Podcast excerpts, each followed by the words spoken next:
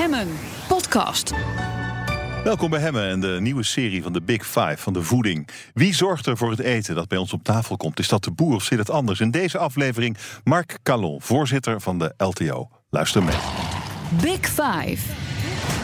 U bent uh, zelf ook boer. Niet alleen voorzitter, u bent ook boer. Wat voor bedrijf heeft u ook alweer? Ik heb een akkerbouwbedrijf van 58 hectare. En dat teel ik uh, bieten, wintergerst, wintertarwe en ik doe aan natuurontwikkeling. In Groningen? Ja, in Zuurdijk. Dat ligt in het noordwesten van Groningen, richting het Lauwersmeer. Voor mensen die niet zo bekend zijn daar. Is het een uh, goed renderend bedrijf? Ja, dat draait zwarte cijfers. Alleen het is op Nederlandse schaal is het een, een te klein bedrijf. Dus voor oh. mij is het goed. Ik doe er veel dingen bij, maar uh, ik heb geen opvolger. Maar als je echt daar alleen van zou moeten leven... dan zou je veel intensiever moeten boeren of uit hm. moeten breiden. Hm. Uh, u, u, bent uh, niet de eerste. Dit bedrijf is begonnen door uw vader, hè? Ja, mijn vader is uh, nou geëmigreerd tussen aanhalingstekens uit Zeeuws-Vlaanderen naar Groningen. Kon hij een boerderij pachten van een uh, Belgische eigenaar. En hij is wel begonnen met, uh, met koeien en, en akkerbouw op 33 hectare. En hij is helaas overleden toen ik studeerde in Wageningen. Nou, mijn moeder had geen inkomen, behalve het pachtcontract. En we hadden nog, ik had nog een broer en een zus die ook studeerden. Dus toen zijn wij in maatschap gegaan. En uh, nou, later heb ik het bedrijf overgenomen. Dus uh, ik heb dat altijd gedaan en met veel plezier gedaan. Ik vind het hartstikke leuk. Maar eigenlijk noodgedwongen. Ja, ik studeerde werktuigbouw en ik wilde eigenlijk in de machineindustrie. John Deere in Amerika of naar Klaas in Duitsland, machines bouwen. Hm. Uh, en ik leefde ook helemaal in Wageningen. Dus toen was ik echt niet van plan om het, uh, om het over te nemen. Vroeger toen ik klein was wel, maar toen ik studeerde niet. Maar goed, dan gebeurt zoiets en dan kom je voor die keuze te staan. En ik heb nooit spijt gehad van die keuze. Nee, maar anders had u het niet gedaan. Nee, als mijn vader was blijven leven, dan was ik waarschijnlijk ergens uh, in de machineindustrie beland. Ja. En u vertelde uh, uh, tussen neus en lippen door, u heeft niemand die na u gaat boeren op die 58 hectare. Nee, dat zit er dik in. Mijn zoon is afgestudeerd natuurkunde en mijn beide dochters die studeren ook, maar die, niet in de landbouw. Nou ja, en dat is, ik ben daar ook niet uniek in. Nee, elke ik wou dag, net zeggen, dit is het verhaal van heel veel boeren. Ja, elke dag stoppen er in Nederland zes boeren. En in Frankrijk plegen er elke dag zes boeren zelfmoord. Dus uh, ja, ik hoorde van de week nog op een bijeenkomst: boeren sterven uit. Uh, nou, in Nederland zal dat niet zo snel gebeuren, want die productiestijging per boer is heel hoog. Maar wereldwijd is dat wel een probleem. Uh, boeren op het platteland is echt een probleem. Jonge mensen trekken naar de stad. Zien geen toekomst meer in de landbouw, omdat het toch laag betaald wordt. je wordt eigenlijk uitgeknepen. Dus als ze een goede opleiding hebben, gaan ze iets anders doen. Hm. Waarom zegt u dat in Frankrijk uh, elke dag zes boeren zelfmoord plegen? Nou, in Frankrijk is de landbouw wat minder uh, gemoderniseerd dan in Nederland. Frankrijk is ja, ik maar zeggen, heel erg op la campagne, dus op, op, op het platteland gericht. En die landbouw in West-Europa was na de oorlog helemaal gericht op nooit meer honger. We hadden honger in West-Europa, dus er kwam een politiek van de Europese Commissie, Mansholt onder andere grote bedrijven, meer voedsel. We willen nooit meer honger hebben in Europa. En er kwam eigenlijk een afgeschermde markt. Hè? We zorgden dat die prijzen stabiel bleven. Ja, en mensen kregen goed en goedkoop voedsel. En wat je nu de laatste, laatste decennia ziet, is dat de markten zijn opengegaan, de grenzen, uh, uh, tarieven zou ik maar zeggen, de belastingen aan de grenzen, de bescherming is weggevallen. Dus je produceert toch voor de wereldmarkt. En dat leidt tot lage prijzen. Nou, Nederlandse landbouw uh, doet dat relatief goed, komt daar relatief sterk uit. En Franse landbouw komt daar relatief zwak uit. Uh, mm. Dus daar is heel veel uh, sociale verelending. Die heb je in Nederland trouwens ook onder boeren. Uh, maar ja, wij leven hier, zoals ik vaak zeg, wel in een grote stad met een aantal parken. Ik bedoel, als jij ergens in Nederland gaat staan, is het s'nachts nergens meer donker. Behalve in Noord-Groningen dan, waar ik mijn bedrijf heb. En je ziet altijd wel een dorp, hè? Dus het zie je behoorlijk verstedelijk. Nou, dat is natuurlijk op het platteland van Frankrijk en Spanje niet zo. Dus er zijn niet uh, de, de, er zijn geen Nederlandse boeren die zelfmoord plegen. In elk geval niet in die, die zijn, aantallen. Die zijn er wel, maar niet in die aantallen. Mm -mm. Kijk, wat je ziet is uh, problemen in de landbouw over de wereld. Dus niet Nederland. Dat is in de eerste plaats water. We hebben genoeg water door de klimaatverandering. Hè. heb je uh, gebieden die veel droger zijn. In de tweede plaats wat wij noemen arable land. Dus land waar je goed op kan telen. Of dat nou gras is of gewassen. Dat neemt gewoon af uh, door erosie, door bebouwing. Dus daar komt een tekort van. En in de derde plaats uh, minder boeren over de wereld. professor Fresco in Wageningen heeft daar zelfs veel lezingen over gegeven. En dat gaat langzaam, maar zeker gaat dat door. Dus dat, dat wordt in de toekomst wel een probleem. De Europese Commissie nu, Phil Hogan, dat is eigenlijk de minister van Landbouw van Europa, die heeft ook gezegd: ja, wij moeten meer doen aan jonge boeren. Dat zie je in Nederland en West-Duitsland en Denemarken is nog niet zo'n probleem. Maar in Oost-Europa, Frankrijk, Spanje, zuiden van Italië ook, dan wordt dat echt een probleem. Maar uh, bij, bij ons is dat, is dat natuurlijk ook zo. 50 jaar geleden hadden we nog vijf keer zoveel boerenbedrijven als nu, toch? Ja, ik ben in 1990 eigenlijk bestuurlijk actief geworden in de, in de landbouw, in de Groningen Maatschappij van Landbouw. Toen hadden we in Nederland 100.000 echt uh, professionele boerenbedrijven. Nou, we zitten nu onder de 50.000 en uh, dat gaat per dag wordt dat dus minder. Ja, dat betekent dus dat er, dat er bedrijven worden opgegeven, maar het betekent natuurlijk ook, u noemde het al, de schaalvergroting enorm is. Ja, de techniek in de landbouw. Kijk, Nederlanders zijn hele slimme gasten. Dat is niet alleen in de landbouw, dat is ook in de logistiek. Dus het bedrijf van mijn vader gemiddeld 2800 uur per jaar werkte, ben ik begonnen met zo'n 1700 uur op jaarbasis. En voor de rest deed ik er dan wat bij. Ja, nu doe ik dat nog in 700 uur. je hebt hele moderne GPS-systemen op je trekker. Je machines zijn veel moderner. Dus dat geldt zowel in de koeien, waar we met robots melken, betere stallen, als in de akkerbouw, als in de tuinbouw. Per mens doe jij gewoon veel meer. Die productiviteitsstijging in de landbouw die ligt zo op 5, 6 procent per jaar. Dat is uniek in de wereld hoor. Dat is ook uniek in mhm. Nederland trouwens. Dus die boeren zijn die zijn gewoon heel erg slim. En met boeren bedoel ik niet alleen boeren, maar ook tuinders. Hè? Dus de hele gastuinbouw is ook heel innovatief. Ja, eh, het, maar goed, eh, we hebben een, een, klein landje. We hebben steeds meer hele grote boeren, hele grote boerenbedrijven. Eh, terwijl de landbouwgrond natuurlijk best duur is. Er is ook ontzettend veel regelgeving. U zei eerder in ons gesprek, boeren worden uitgeknepen. dan, dan zou je kunnen denken, het is nog maar voor een heel klein gezelschap boeren gegeven om te blijven boeren. Dat is waar. Uh, het is heel moeilijk om een bedrijf over te nemen. Trouwens, die vergroting moet je ook relatief zien. Hè. Het gemiddelde Nederlandse veehouder heeft 100 koeien. Ja, je hebt in de Oekraïne en Amerika bedrijven in Texas met, met 25.000 koeien. Dat zijn andere maten. Hm. Hè. Dus wij zijn uh, uh, wel gemiddeld wel redelijk groot, maar die echte megabedrijven hebben we niet in Nederland. Van duizenden hectares zijn er maar, maar weinig. Het is moeilijk over te nemen, omdat het heel kapitaalintensief is. Je moet er heel wat voor over hebben. En, wat ik net zei, door het opengaan van die grenzen... produceren we in feite voor de wereldmarkt. Nou, wij, wij redden dat doordat wij en dat is gewoon biologie lagere school. Uh, wij hebben, liggen aan het einde van de rivieren in een delta. Dus wij hebben vruchtbare gronden. We hebben genoeg uh, zoet water, omdat het ook genoeg regent. We hebben genoeg oppervlaktewater, zoet water. We hebben een goed temperatuurregime. Dus mensen denken, waar heeft die man het over? Nou ja, als het 40 graden is, dan ga jij niet lekker in de zon liggen. Dan voel je je niet zo lekker. Dan ga je naar binnen in de airco. Nou, dat is met planten ook zo. Planten produceren het meeste bij 17 graden. Alles wat daarboven is, dan verbranden ze meer. En dan is je netto droge stofproductie minder. Is met een koe ook zo. Als die met 35 graden buiten moet lopen, zweet hij zich kapot. Zoekt hij een boom op en produceert hij minder. Dus dus wij hebben hele goede uh, klimatologische uh, en, en, geologische omstandigheden om landbouw te bedrijven. Nou, dan hebben we superlogistiek. Hè? Daar zijn we als Nederland bekend om. Met onze bootjes en vrachtwagens en treinen. We hebben die rivieren, we hebben de zee. En we hebben de markt eigenlijk vlakbij liggen. Achter ons, Duitsland, uh, Frankrijk. Dus, dus ja, die oorzaken zorgen ervoor, samen met een uniek Nederlands iets. Ik noem dat nog steeds het OVO-drieluik. Dat is onderwijs, voorlichting, onderzoek. Dat is eigenlijk de gouden driehoek die uh, in de jaren 50 is opgericht. Dus de Universiteit van Wageningen, de landbouwscholen. Ja, die de voorlichting doen, het onderwijs doen. En dan heb je onderzoeksinstituten en je hebt het beleid van het ministerie, wat we nu gelukkig weer hebben, en de praktijk. En door die hele snelle koppeling van onderzoek naar de praktijk en terug, kunnen wij heel snel systemen implementeren. Ik heb heel vaak gedacht toen de DDR bij West-Duitsland kwam, of Polen bij de EU, of de grenzen uh, naar Oekraïne open gingen. Ik denk van nou, wij zijn out of business, hè, want die lui hebben veel uh, goedkopere grond, veel goedkopere arbeid. Maar ja, wij zijn gewoon veel slimmer. En onze systemen zijn veel beter. Dus wij redden dat iedere keer weer. Ja, er zijn toch ook Nederlandse boeren die, zoals uw vader uit Zeeuws-Vlaanderen naar Groningen emigreerde. Eh, nu gaan de boeren naar die landen die je noemde, maar eh, naar Oekraïne bijvoorbeeld, Ja, waar ze voor heel weinig geld heel veel grond kunnen, kunnen kopen om op te boeren. Ja, er zit een Groninger in Oekraïne, die heeft 25.000 hectare.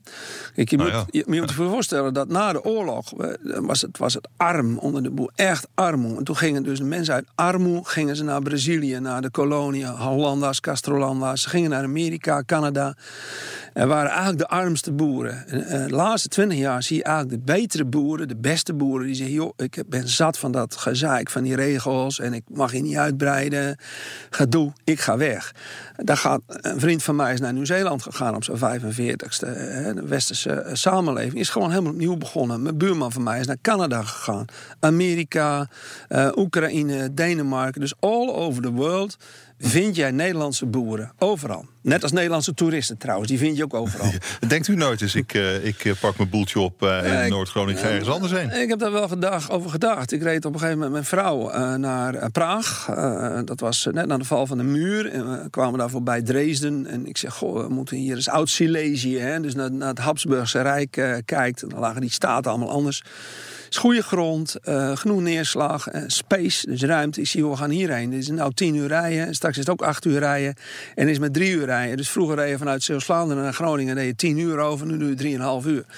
En zij zei, ik ga niet mee, bekijk het maar. Nou, dat was hetzelfde als mijn vader. Die wilde in 77 wel door emigreren naar Brazilië. Want er zat een oom ook. Nou, toen zei mijn moeder, eh, ik ga niet mee, bekijk het maar. Nou ja, dan kies je toch eh, voor je gezin en voor, Voor je sociale leven.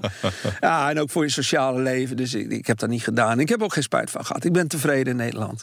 Meneer Collant, ik wil met u praten over de overname van eh, genetisch gemodificeerde zaden en bestrijdingsmiddelenproducent Monsanto door Bayer. Vorige week werd hij definitief. Betekent dat het grootste zaden- en bestrijdingsmiddelenbedrijf ter wereld nu is overgenomen? Betekent dat iets voor u, voor boeren? Eh, ja, en dit was ook een eh, discutabele overname. Want Monsanto is een, bedrijf wat eh, zaden en gewasbeschermingsmiddelen ontwikkelt die aan elkaar hangen. Dus als jij daar zaad wilde kopen van Monsanto, moest je ook de gewasbeschermingsmiddelen afnemen. En ze hebben daar hybride rassen, dus die kun je ook niet zelf vermeerderen. En nou is elke boer in principe een kleine anarchist. En die wil niet aan de ketting hangen van een, van een groot bedrijf. Dus Monsanto had onder boeren niet zo'n goede naam. Dat komt ook door iets anders. Zij hebben een gewas ontwikkeld, soja, wat tegen eh, glyfosaat kon, Roundup. Eh, waardoor er dus veel Roundup werd gespoten in Amerika. 100 tot 1000 keer zoveel dan in Nederland. Eh, dus onder milieubeschermers en ook onder boeren had Monsanto niet zo'n goede naam. En Monsanto volgt de strategie van Apple. Kijk, ik heb zelf Apple spul, dat is goed spul. Maar je kan het goed vergelijken met de computers. Je had die pc'tjes, dat was een open structuur... waardoor iedereen dat na kon bouwen en die pc'tjes heel goedkoop werden. Nou, Apple heeft een gesloten structuur. Bouwen zelf hun dingen, zetten hun eigen software erop. Daar kom jij niet tussen. En als je wat in de App Store wil hebben, moet dat door hun goedgekeurd worden. Ah, dat is Monsanto. En eh, Windows en die open, open pc'tjes, dat is allemaal veel goedkoper. Nou, dat is Bayer. En Bayer die zit ook al meer op de tour. Bayer kennen we van de aspirine natuurlijk en ook gewasbeschermingsmiddelen.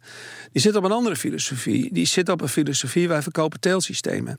Dus niet zozeer gewasbeschermingsmiddelen, maar we kijken ook naar IPM, integrated pest management. Dat betekent dat je eerst gaat kijken of je ziekten en plagen met beestjes kan gaan bestrijden of met veredeling.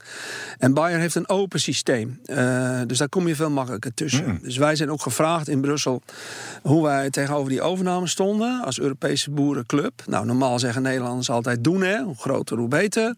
Maar in dit geval waren wij wijfelachtig. Dus hebben wij wel gezegd, jongens, het moet wel open blijven en wij willen niet eh, met een ketting aan jullie vasthangen.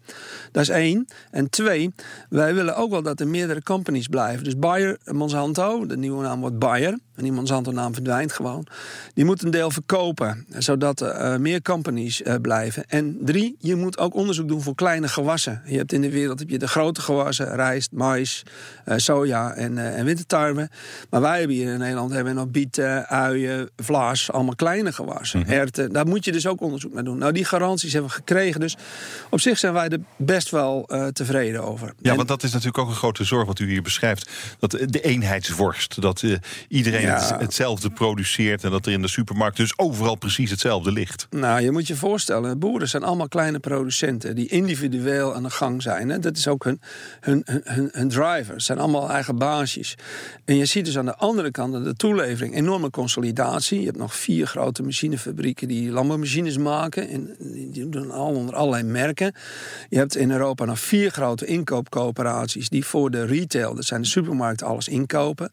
Dus die boer die zit aan het einde van de keten en die kan zich niet verenigen. Die is daar dus veel te zwak uh, voor en die wordt dan uitgeknepen. Die mag voor een dubbeltje mag die nog uh, het werk doen, zou ik maar zeggen, tegen heel laag loon.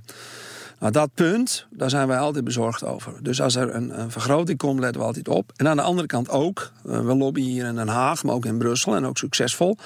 Laat boeren zich nou ook verenigen in hun coöperaties, maar ook via zogenaamde producentenorganisaties. Kijk, als nu twee boeren met elkaar bellen over, joh, uh, de uien die doen maar 7 cent en in de supermarkt uh, doen ze een euro, laten wij samen afspreken dat we 12 cent vragen, hè? dan ben je strafbaar vanwege concurrentiebedingen en de wetten. En dan gaat de ACM je op de vingers tikken mm -hmm. of bekeuring. Nou, daar zijn we zat van.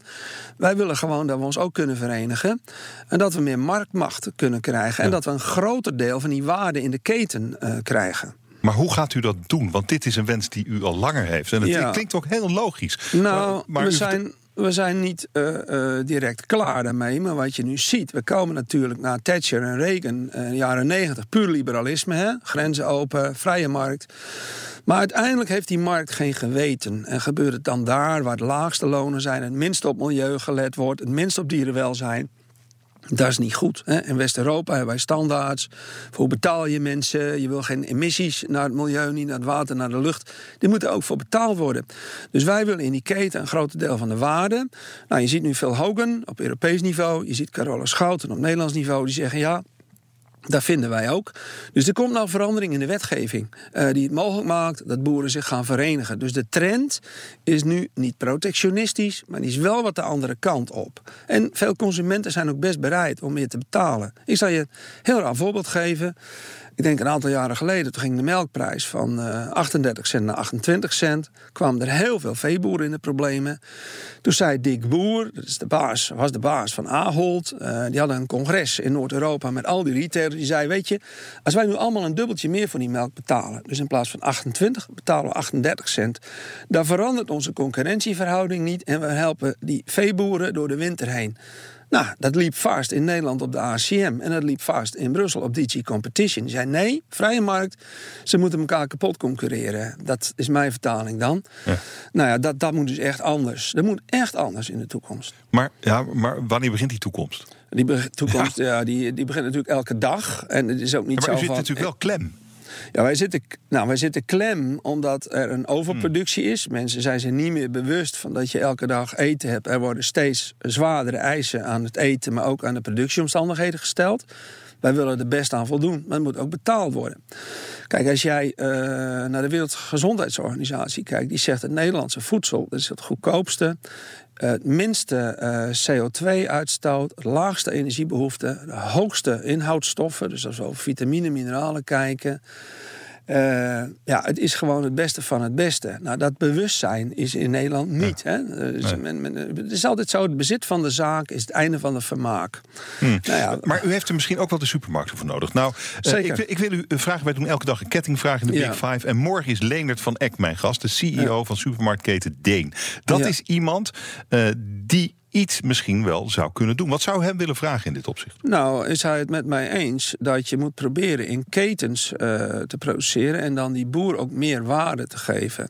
En ook praktisch te zijn. Uh, zodat boeren ook een normaal inkomen kunnen verdienen als ze goede producten uh, voortbrengen. Want dat doen ze.